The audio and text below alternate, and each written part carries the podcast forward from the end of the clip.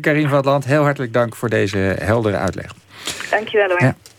En dan is het nu tijd voor het spoor terug. Vlak na de collecteweek van het KWF aandacht voor de ziekte die heel lang niet bij naam genoemd werd. K, zei men. Deze en volgende week kunt u luisteren naar een serie over de geschiedenis van de kankerbestrijding. En dat naar aanleiding van het 100-jarig bestaan van het Nederlands Kankerinstituut Antonie van Leeuwenhoek Ziekenhuis, kortweg NKI-AVL. Vanaf de oprichting in 1913 werden onderzoek, zorg en behandeling op een vooruitstrevende manier gecombineerd. Luister naar een documentaire van Laura Stek gemonteerd met Berry Kamer.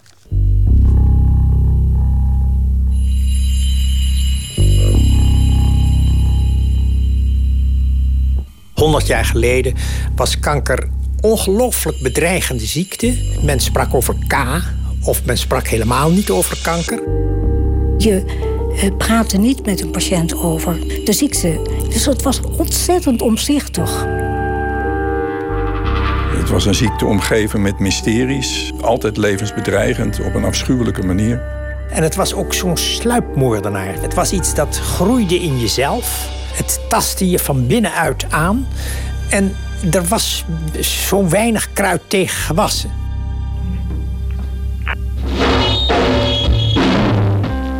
Een sluipmoordenaar. Een schim zonder gezicht. Daar moest men het 100 jaar geleden nog mee doen. Maar aan het begin van de 20e eeuw besloten twee Nederlandse mannen die schim te lijf te gaan. Zij richtten in 1913 het Nederlands Kankerinstituut op. De formule? Wetenschap en zorg in één gebouw. In de eeuw die volgde veranderde onnoemelijk veel. K bleek niet één, maar meerdere ziektes en die ziektes kregen een profiel en een gezicht. Maar de formule die bleef bestaan en leidde tot een gespecialiseerde kliniek en een wetenschappelijk topinstituut. Tweederangs onderzoek is niet verschrikkelijk nuttig. Dit is oud-directeur en gerenommeerd kankeronderzoeker Piet Borst. Hij komt eind jaren 50 voor het eerst in aanraking met het NKI. Als jonge onderzoeker bekijkt hij of er iets mis is met de stofwisseling in de kankercel. Wat echt niet het geval was, en uh, dat heb ik dus netjes aangetoond. Dat is dus uh, ja, nu 55 jaar geleden dat ik daaraan begon. En uh, we dwaalden toen echt in de mist. Hoewel Borst de pensioengerechtigde leeftijd al lang heeft bereikt, leidt hij nog steeds een onderzoeksgroep bij het NKI. Zo loopt hij nog dagelijks het gebouw in Amsterdam Slotervaart binnen. Het typerende van het Nederlands Kankerinstituut is toch dat die zorg en het onderzoek heel nauw verbonden zijn onder één dak en onder één directie. En dat we altijd heel erg samenwerken. En dat moet ook in de bouw een beetje tot uiting komen dat alle onderzoekers die lopen toch geregeld langs de patiënten die hier zitten te wachten om geprikt te worden. En dat zelfs als je dus met reageerbuisonderzoek bezig bent in het laboratorium, dan is die kanker toch altijd nog maar één stap weg de kanker zoals die echt bij mensen voorkomt. Dus het is om de onderzoekers te helpen herinneren van hier doen nou, jullie het voor? Is het niet alleen voor, maar het, het is aardig dat we, veel van onze onderzoekers toch sterk gemotiveerd zijn om iets voor de patiënt te doen.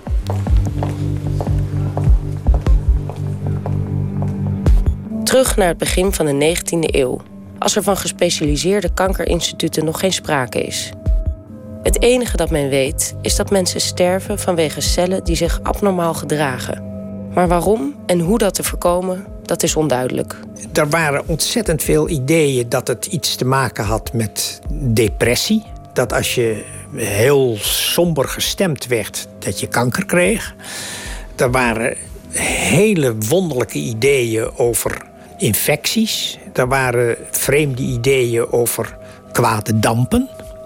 En omdat 100 jaar geleden kanker als een vrij hopeloze zaak werd gezien, was het iets waar academische ziekenhuizen zich maar heel weinig mee bezig hielden.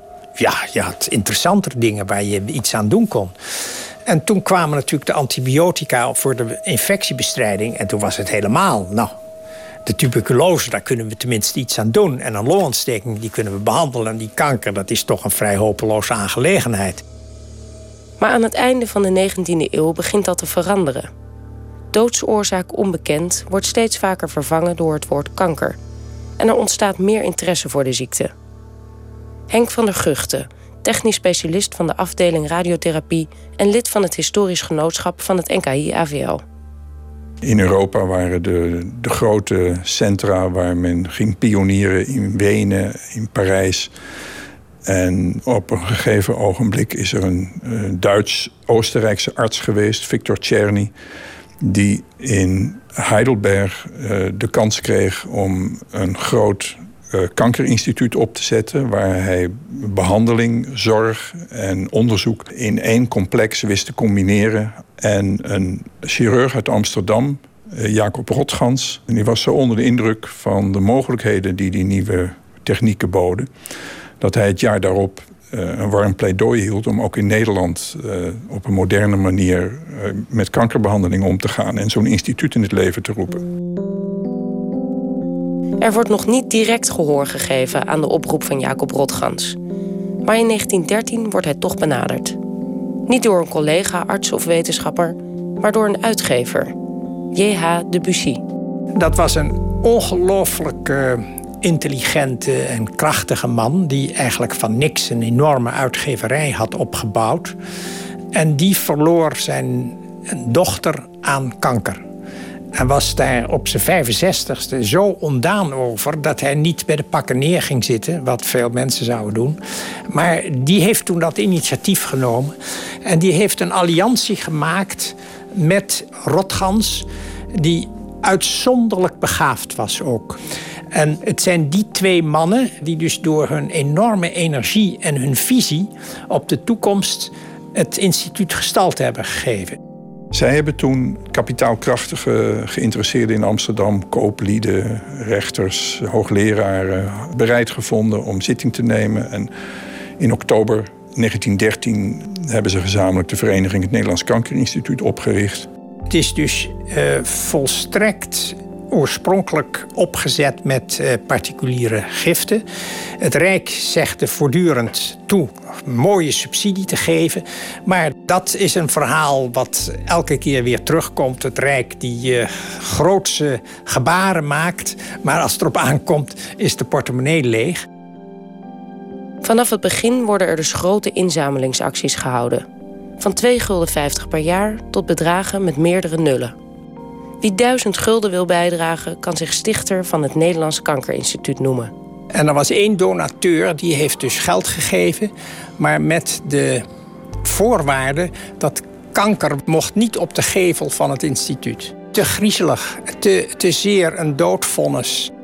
Maar waar die gevel moet staan is nog helemaal niet duidelijk. Er is wel een stichting, er is geld, maar nog geen ruimte. Eigenlijk wil het Kankerinstituut aansluiten bij langlopende hoofdstedelijke ziekenhuisplannen. Maar dat gaat Rotgans en Debussy niet snel genoeg. Het was een noodsprong. Ze vinden een vrijgekomen bankgebouw op de Keizersgracht. Omdat er zo'n dadendrang was bij dat duo uh, Debussy en uh, Rotgans... Uh, die wilden gewoon beginnen.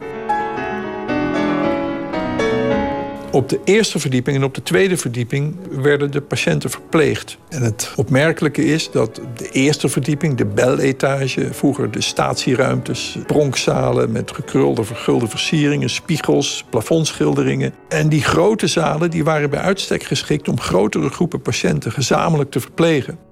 Daar was dus één statiezaal voor de laagste klasse vrouwen en één statiezaal voor de laagste klasse mannen. Die lagen vorstelijk de patiënten die geen cent hadden, die werden betaald door de stad. Anderhalve gulden per dag betaalde de stad voor de minvermogende patiënten in het uh, Antoni. Een verdieping hoger waren kleinere één- en twee persoonskamers of vier persoonskamers. Daar lagen de patiënten die meer te betalen hadden. De patiëntenzalen zijn nog het makkelijkst in te richten. Maar voor het laboratorium en de bestralingsruimtes moet er flink worden verbouwd. Dat gebeurt in juli 1914. Maar het uitbreken van de Eerste Wereldoorlog gooit tijdelijk roet in het eten. De beloofde subsidies van het Rijk worden ingetrokken. De, de twee directeuren, die hoogleraar Rotgans en uh, De Vries... Uh, die zeggen uit armoede dan maar toe om de eerste jaren zonder salaris te werken. Want opgeven is geen optie. De omstandigheden zijn verre van perfect als koningin Emma het nieuwe Nederlands Kankerinstituut met het gecombineerde Antonie van Leeuwenhoekhuis in januari 1915 opent. Er zijn inmiddels twee extra artsen aangesteld: een chirurg en de radiotherapeut Frans Garenstroom, die direct op studiereis wordt gestuurd om over de kerstverse behandelmethodes met röntgenstraling te leren. De lessen uit het buitenland brengt Garenstroom vanaf het begin in praktijk met voor die tijd moderne apparatuur. Dat waren in die tijd krachtige uitvoeringen van hele primitieve röntgenapparaten. Uh, het was echt een duivelskunst voor een arts om, om daarmee uh, patiënten te bestralen zonder die patiënten daarmee grote schade te berokkenen. Want wat, was, wat zou de schade kunnen zijn aan patiënten? Dat zou in de meeste gevallen zijn uitgelopen op uh, oncontroleerbaar doorzwerende wonden die nauwelijks te genezen zijn. Er wordt ook met het door Marie en Pierre Curie ontdekte radium geëxperimenteerd. Die röntgenstraling die was zwak. Die drong nauwelijks door in het lichaam. Dus die was niet goed geschikt voor het behandelen van dieper gelegen tumoren. Radium uh, gaf daar meer mogelijkheden voor. Er was nog een tweede reden. Uh, die onbetrouwbare röntgenapparaten in die tijd. Uh, de, daarmee was het zeer moeilijk om een goed voorspelbare dosering van straling te geven. Uh, radium daarentegen was een constante straler uh, waar heel goed aan te rekenen viel en men kon dat beter beheersen. Maar radium is moeilijk te verkrijgen. Er moet zo'n 20 tot 30.000 ton aan erts verwerkt worden om een paar gram radium te winnen. Door die economisch heel ongunstige condities van, van de winning, waarbij er zo weinig overbleef, liepen de prijzen op tot, tot zo'n 180 dollar voor een milligram. Hè. Garenstroom is optimistisch over de mogelijkheden. Maar over de overlevingskans in die tijd hoeven we ons geen illusies te maken. En niet alleen de patiënten, maar ook de verpleegsters staan bloot aan de stralingen. Maar daar werd toch wat luchthartig over geoordeeld. Het advies was om dan maar een plakje lood in het pantalonnetje te leggen. Dat is natuurlijk een lichtvaardige manier waar we nu niet meer weg mee zouden komen. Wou nu even langs het muizenhuis lopen. Vaak het muizenpaleis genoemd, omdat het zo schitterend is. Maar daar gaan we niet in, want we zijn altijd als de dood voor infecties. En van die vieze mensen, zoals ik en u, die uh, mogen daar niet zonder meer in. Het Kankerinstituut doet vanaf de beginjaren niet alleen behandelingen, maar ook onderzoek. Dat was de tijd dat voor het eerst duidelijk werd dat als je teer smeerde op muizen, maar dan ook nog die huid prikkelde, dat ze huidkanker kregen. Dat was een doorbraak. Die ontdekking kwam van Herman Deelman, vanaf 1919 hoofd van het laboratorium. We begrijpen dat nu allemaal, want we weten dat die teer dat bevat kankerverwekkende stoffen. Die maken veranderingen in het DNA van de cel. En we weten ook dat als je die huid irriteert, dan krijg je meer delingen van cellen. En daardoor meer kans op uh, fouten in de DNA. En daardoor meer kans op kanker. Maar in die tijd was dat helemaal niet bekend. En er is dus veel onderzoek gedaan, juist in de eerste 50 jaar van het instituut, van wat aanleiding gaf tot kanker. Zal ik hier. Uh... Gaat hierin staan, dan ga ik u teleporteren. Ja. Hè? Hier is nog een noodgebouw, wat nu weer wordt afgebroken. Want er komen altijd weer nieuwe definitieve gebouwen bij. En dat is eigenlijk historisch gezien wel aardig dat in het eerste onderkomen van het uh, Kankerinstituut, dat daar al in een vroeg stadium in de tuin van het Keizersgrachtgebouw puisten aangebouwd werden, omdat er onvoldoende ruimte was voor patiënten. Vanwege het constante ruimtegebrek en de beperkingen van het grachtenpand zoekt het Van Leeuwenhoekhuis naar nieuwe huisvesting. Nieuwbouw vlakbij een academisch ziekenhuis heeft de voorkeur, maar uiteindelijk wordt het weer een oud pand. In september 1929 verhuizen ze naar de Sarfatistraat. Het was eens een militair hospitaal geweest. En die worden meestal niet eh, in de meest zwierige vorm eh, op aarde gezet. En eh, ze hadden het van binnen dus wel aangepast, zodat het uh, geschikt was voor onderzoek en patiëntenzorg. Maar uh, de buitenkant hadden ze gewoon gelaten zoals hij was. En die was nou niet bepaald uitnodigend. Uh, dat gebouw was veel groter dan uh, wat het instituut op dat moment nodig had. En het was ook mogelijk om het fors te verbouwen. Er werd ook een hele vleugel aangebouwd ten behoeve van polykliniek, de operatiekamers, de bestralingsruimte. Er ontstond dus een, een heel prettige huisvesting die op alle gebieden een geweldige vooruitgang was. De aandacht in de pers voor de opening van het nieuwe kankerinstituut leidt in de maanden erna tot een grote toename van patiënten. De opkomende volksvoorlichting had niet tot extra angst geleid. In de jaren 30 gebeurt er veel op onderzoeksgebied. Het is de periode van de grote drie: Korteweg, Wassink en Waterman. En die heeft enorm veel voedingsonderzoek gedaan. En hij was de eerste die heeft laten zien, wat nu een van onze grote problemen is, dat met die obesitas-epidemiologie, dat de kankerhoeveelheid toeneemt. En hij heeft ook als eerste gevonden dat sommige kleurstoffen, um, zoals het botergeel, dat die kankerverwekkend waren. En op basis daarvan zijn die ook uh, uit de Nederlandse voeding verbannen. Dus dat is toch wel interessant dat in die beginperiode, waar we nu eigenlijk een beetje met medelijden op terugkijken, hoe weinig mensen wisten, dat er toch hele fundamentele ontdekkingen zijn gedaan met middelen die echt heel primitief waren.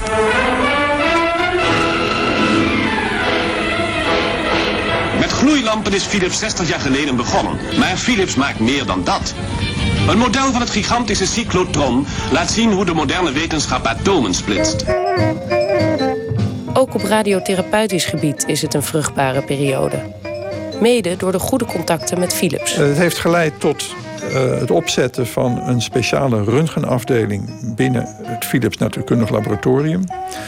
En die is in de loop van de jaren 20, 30 uitgegroeid tot uh, Philips Medical Systems, die allerlei vormen van röntgenbuizen, stralingsapparatuur en deeltjesversnellers is gaan ontwikkelen. En uh, dat is in feite de start van de grote afdeling van Philips op het gebied van de gezondheidszorg, die we vandaag de dag nog steeds kennen.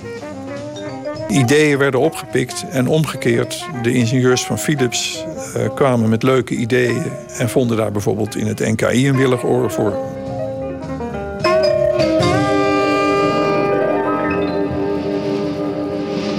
Aan die groeiperiode komt een eind als de Tweede Wereldoorlog voor de deur staat. Het instituut mag in de Sarvatistraat blijven, maar de situatie verslechtert en de patiëntenpopulatie wordt groter en diverser. Sommige artsen en onderzoekers worden gemobiliseerd en de Joodse werknemers mogen er op last van de bezetter niet meer werken. Nathaniel Waterman, die was Joods en die mocht niet in het instituut blijven werken.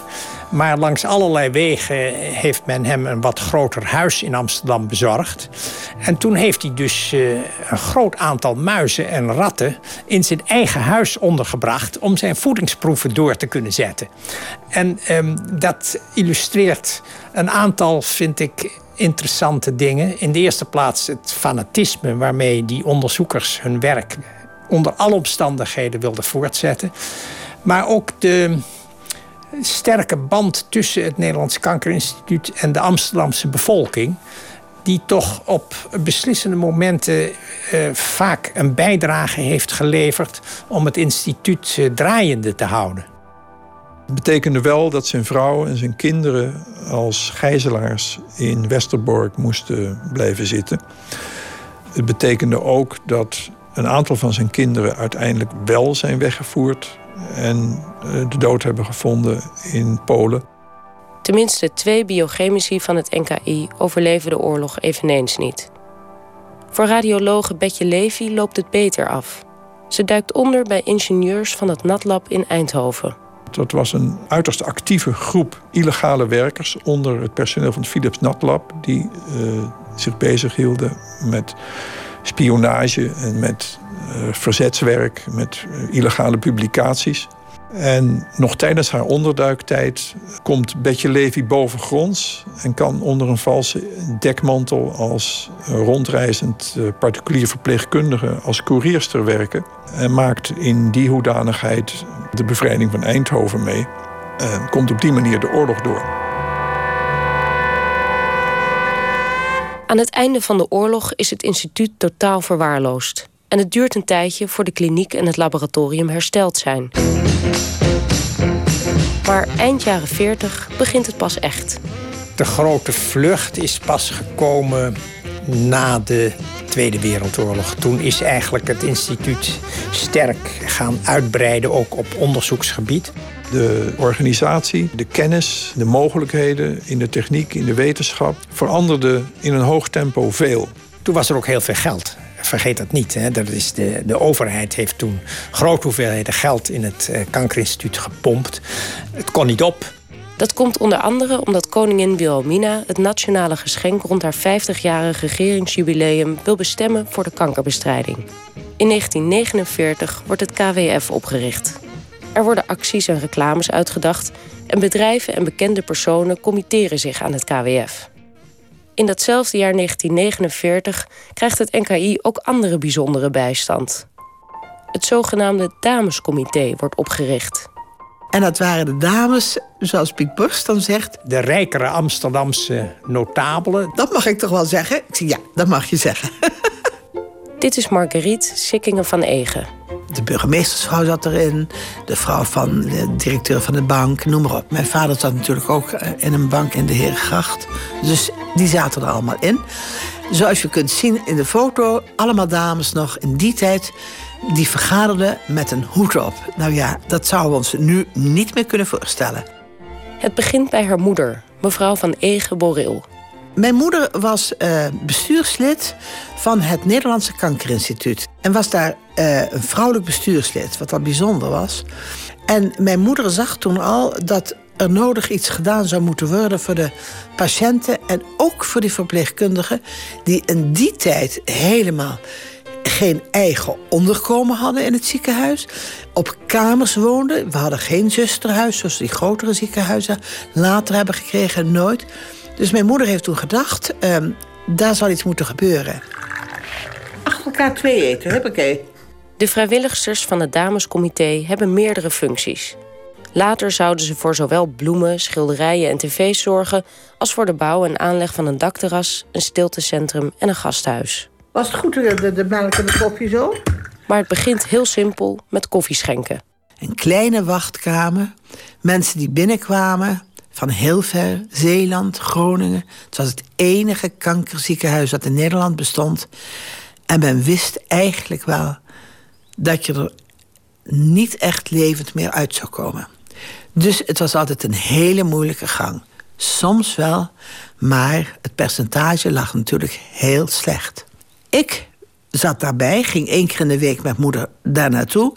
en was daar om de koffiekopjes af te wassen. Uh, dus het is me wel een beetje met de paplepel ingegoten. Hè? Ik bedoel, zo is het wel. Nu heb je de eerste en de tweede en de derde. Iedere uh, afdeling kan je inlichten wat er gebeurt. Je begint bij de eerste en die ga je door naar die tweede... dan ga je naar de derde en ze vertellen je allemaal wat er gebeurt. In die tijd bestond dat niet. Ze kwamen binnen en, en ze wisten niet eens... sommigen gingen niet eens met diezelfde dag terug naar huis. Daaruit is voortgevloeid, toen moeder dat merkte, een winkeltje. En een winkeltje was er voor die mensen die onverwachts moesten blijven... en dus hun tandenborstel, hun kammen en hun noem maar op de gewone dingen niet hadden. De patiënten bleven natuurlijk veel langer. Hè? Dat moet je niet vergeten. Veel en veel langer. Dat is een verschil van nu. Zodra je maar kunt ademhalen, ben je er al uit. Hè? Ook na een zware operatie. In die tijd niet. Kijk, zoals in een kankerinstituut zien we nu toch buiten nog steeds mensen die roken. Ondanks het feit dat iedereen in dit huis doordrongen is van het feit dat roken de belangrijkste vermijdbare vorm van uh, kankeroorzaak is. You know, if you were to follow a busy doctor as he makes his daily round of calls, you'd find yourself having a mighty busy time keeping up with him. Time out for many men of medicine usually means just long enough to enjoy a cigarette. See how camels agree with your throat. See how mild and good tasting a cigarette can be. Een van de eerste onderzoekers in het Nederlands Kankerinstituut is ook een van de eerste mensen geweest in de wereld die postuleerde dat roken longkanker gaf. Dat was uh, Remmert Korteweg. En ehm, daar heeft hij niet erg veel erkenning voor gekregen, want dat eh, is meestal toegeschreven aan de Amerikanen en de Engelsen die dat in dezelfde tijd hebben ontdekt. Dat was in de vijftiger jaren, ja, begin vijftiger jaren. De opbouw van een nieuw, modern en grootschaliger instituut gaat ook gepaard met een verandering in de bedrijfscultuur. De eerste stappen om het instituut na de Tweede Wereldoorlog weer op te bouwen, die werden nog genomen door de mensen die geworteld waren in de pioniersfase. Dan zeg ik u even van die professor Waterman, een wetenschapper, hele knappe wetenschapper, maar heel moeilijk. Wat gebeurde er dan? Dan kwamen de medici kwamen naar mijn moeder toe en zeiden: Mevrouw Van Egen, als u nou met hem gaat praten, dan zijn we weer een half jaar onder de pannen. Zo eind jaren 50, begin jaren 60 begint dat te botsen met de opvattingen en de verwachtingen van de mensen die na de Tweede Wereldoorlog zijn opgeleid en die langzamerhand instromen. Zoals chirurgen Sally van Koevoorde en Emiel van Sloten, die veel communicatiever en minder hiërarchisch zijn. Dat is uh, ontegenzeggelijk een, een, een, totale verandering toen uh, Van Sloten daar kwam. Oud-chirurg Joop van Dongen komt in 1956 in het Leeuwenhoekhuis terecht als algemeen assistent en wordt speciaal gedetacheerd bij chirurg Emiel van Sloten. Tijdens zijn vakantie zei hij: Ja, God, uh, Joop, kleine dingetjes moet je maar blijven doen. En uh, als, als je grotere problemen hebt, dan ga je naar Max Schorl. Die is de chirurg van het kinderziekenhuis, die aan de overkant. En dus in, in de weken dat Emiel Versloten met vakantie was... Ja, dan runde ik de chirurgische afdeling. Dat is onvoorstelbaar voor huidige begrippen. Maar het is godzijdank allemaal goed afgelopen. Er zijn geen calamiteiten geweest, voor zover ik me dat bewust ben geweest. Ondertussen volgt Van Dongen zijn opleiding tot chirurg in Deventer, waarvoor hij ook promotieonderzoek doet. Onder andere door tumoren te enten op muizen. In de Sarfatistraat heeft hij de sleutel van de zogenaamde Dolly-zolder. Dolly was een, een hele respectabele Amsterdamse prostituee... die ooit behandeld is geworden in het, eh, in het Leeuwenhoekhuis. En die toen zij op een gegeven moment overleden was... bleek dat ze buitengewoon rijk was... En die had al haar geld aan het Leeuwenhoekhuis nagelaten. En van dat geld is toen enorme stallen, muizenstallen waren daar uh, ingericht. En in het weekend ging ik daar dan Hannes aan die arme muisjes. En deed ik van allerlei trucs met ze. Maar dan nam ik dus na het weekend tien kootjes nam ik mee naar Deventer. Die, die stonden dan op mijn kamer tot grote schrik van, uh, van de huishoudsters. Van Dongen wordt opgeleid tot chirurg en komt een aantal jaren later terug in het Van Leeuwenhoekhuis. Dit keer als volwaardig chirurg. Ondertussen zijn er verschillende ontwikkelingen geweest. Onder andere op het gebied van de radiotherapie. Nou, ik geloof dat we wel kunnen zeggen dat dit het grootste kobaltapparaat van de wereld is op het ogenblik. Althans voor zover me bekend is. Ja. Dr. Lokkerbol heeft net een hypermodern telecobaltapparaat geïntroduceerd. Een technisch hoogstandje van Philips met ultraharde stralen en beeldapparatuur. Dat was toen uniek in de, in de wereld. En wanneer de huid dus nu in het midden van het wiel is, dan is het stotenhoofd iets onder het midden van het wiel. In het tv-fragment uit 1961 krijgt de kijker een vrij onbegrijpelijke uitleg van een trotse lokkerbol.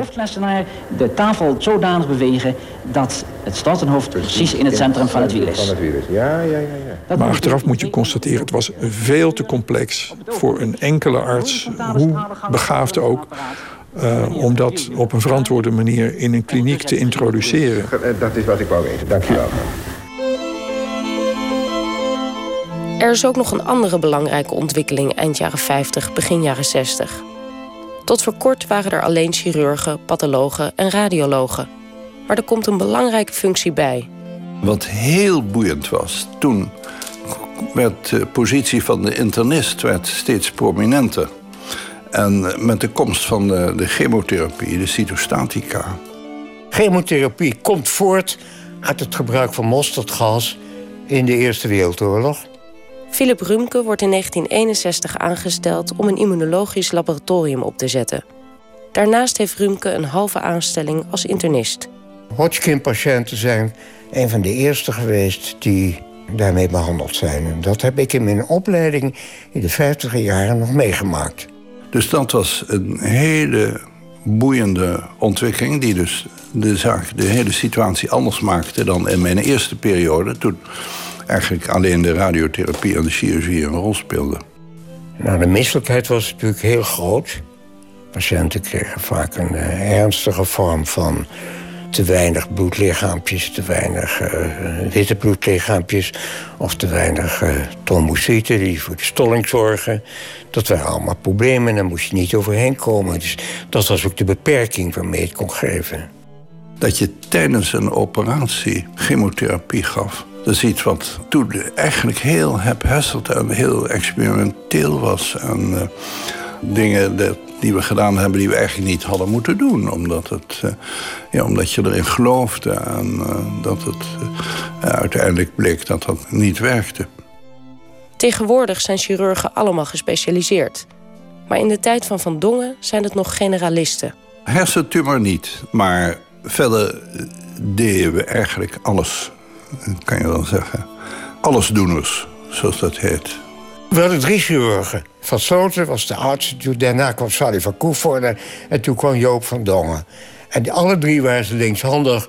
Dat vonden we op een of andere manier tekenend... voor een goede ambachtslui waren dat. Valt me op dat bij Wimbledon, bij de tennissers... zie je ook zoveel linkshandigen.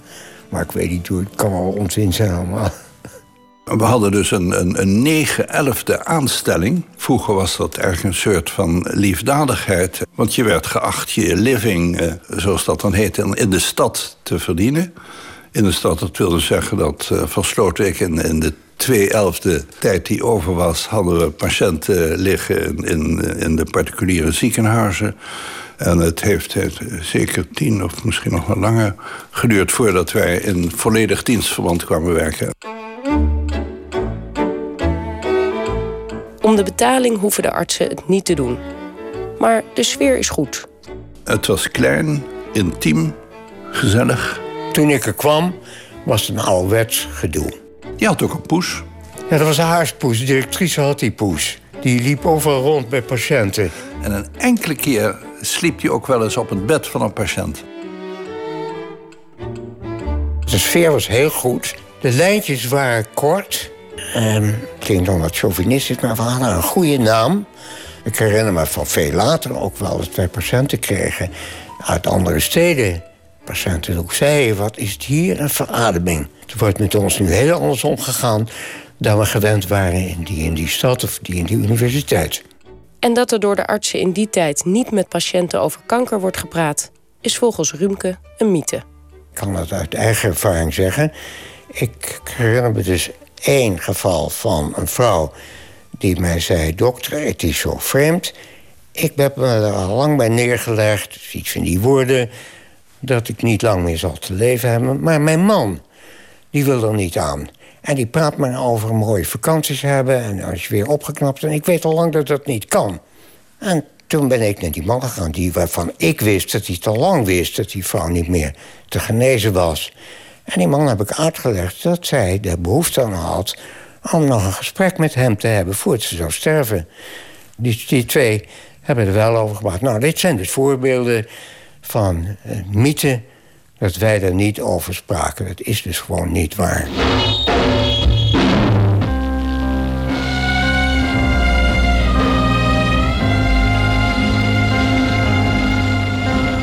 Ja, dit was het eerste deel van de tweedelige serie over 100 jaar NKIALV. Uh, mede op basis uh, van het boek De Som van Zorg en Onderzoek van Bas van Leren. Met dank aan Nathalie